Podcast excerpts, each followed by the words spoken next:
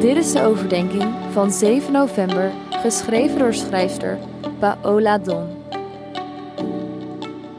Rut was al tien jaar getrouwd toen haar man stierf en zij zonder kinderen achterbleef.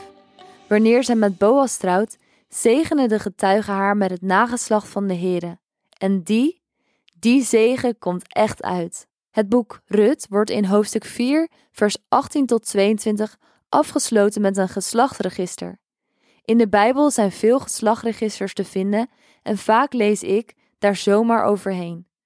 Bij het maken van deze overdenking dacht ik in eerste instantie ook: daar kan ik vast niks uithalen. Maar dat bleek veel minder waar. Het boek Rut begint met een paar zinnen waar je bijna overheen zou lezen. In Rut 1, vers 4 tot 5 staat: Die, de zonen van Naomi, namen voor zich Moabitische vrouwen. De naam van de ene was Orpa en de naam van de ander Rut. En zij bleven daar ongeveer tien jaar. En die twee, Maglon en Giljon, stierven ook. De implicatie van deze zinnen is echter groot. Rut was al tien jaar getrouwd met Maglon. Nadat hij stierf, bleef Rut achter, kinderloos. In tien jaar tijd heeft Rut geen kinderen gekregen. Wanneer Rut met Boas trouwt, is heel het volk getuige. En als getuige geeft het volk Rut en Boas hun zegen. Ze wensen het stel veel nageslacht toe dat de Heere hen zal geven. Stel je voor dat jij trouwt. Misschien zijn je ouders jullie getuigen. Wat zouden zij jou dan toewensen? Gezondheid, geluk of liefde? Misschien ook wel lieve kinderen. Hoe zou dat voor je zijn als je ouders jouw nageslacht toewensen? Voor Rut was dat misschien wel een ontroerende uitspraak. Tien jaar lang was zij al getrouwd geweest en na al die jaren bleef zij alleen en kinderloos achter. Alleen met haar schoonzus en schoonmoeder.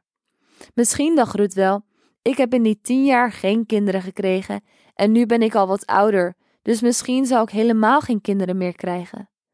Misschien was ze verdrietig of boos, of vertrouwde Rut volledig op de zegeningen van de getuigen en ging ze er helemaal vanuit dat ze inderdaad een kind zou krijgen. Hoe dan ook, in Rut 4 vers 13 staat: De Heere gaf haar dat zij zwanger werd en een zoon baarde. Haar jaren van kinderloosheid waren voorbij. Rut ontving een zoon en Naomi bovendien haar eerste kleinkind. De zegen van de getuigen op de trouwdag is uitgekomen. En niet alleen Rut kreeg een kind, die zoon kreeg ook een nageslacht, en dat nageslacht kreeg weer nageslacht. Ruts zoon was niet zomaar een kind. Het geslachtsregister dat volgt geeft een terugblik op het verhaal van Rut en een vooruitblik naar de toekomstige geslachten die uit Ruts zonen voortkomen.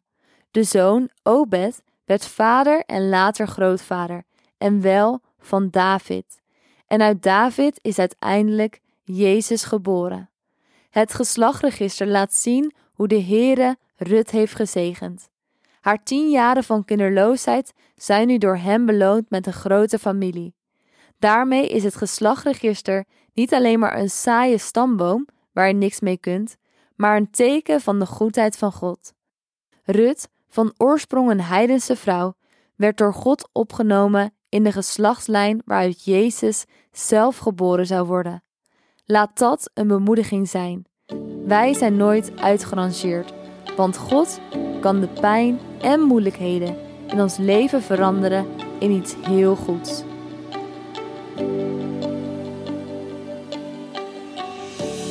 Dankjewel dat jij hebt geluisterd naar de overdenking van vandaag. Wil je de overdenking nalezen? Check dan onze website. Je vindt er ook meer toffe dingen die jou helpen om de Bijbel vaker te openen, zoals boeken, Bijbels, cursussen en evenementen. Morgen ben ik weer bij je terug met een nieuwe overdenking. Tot dan!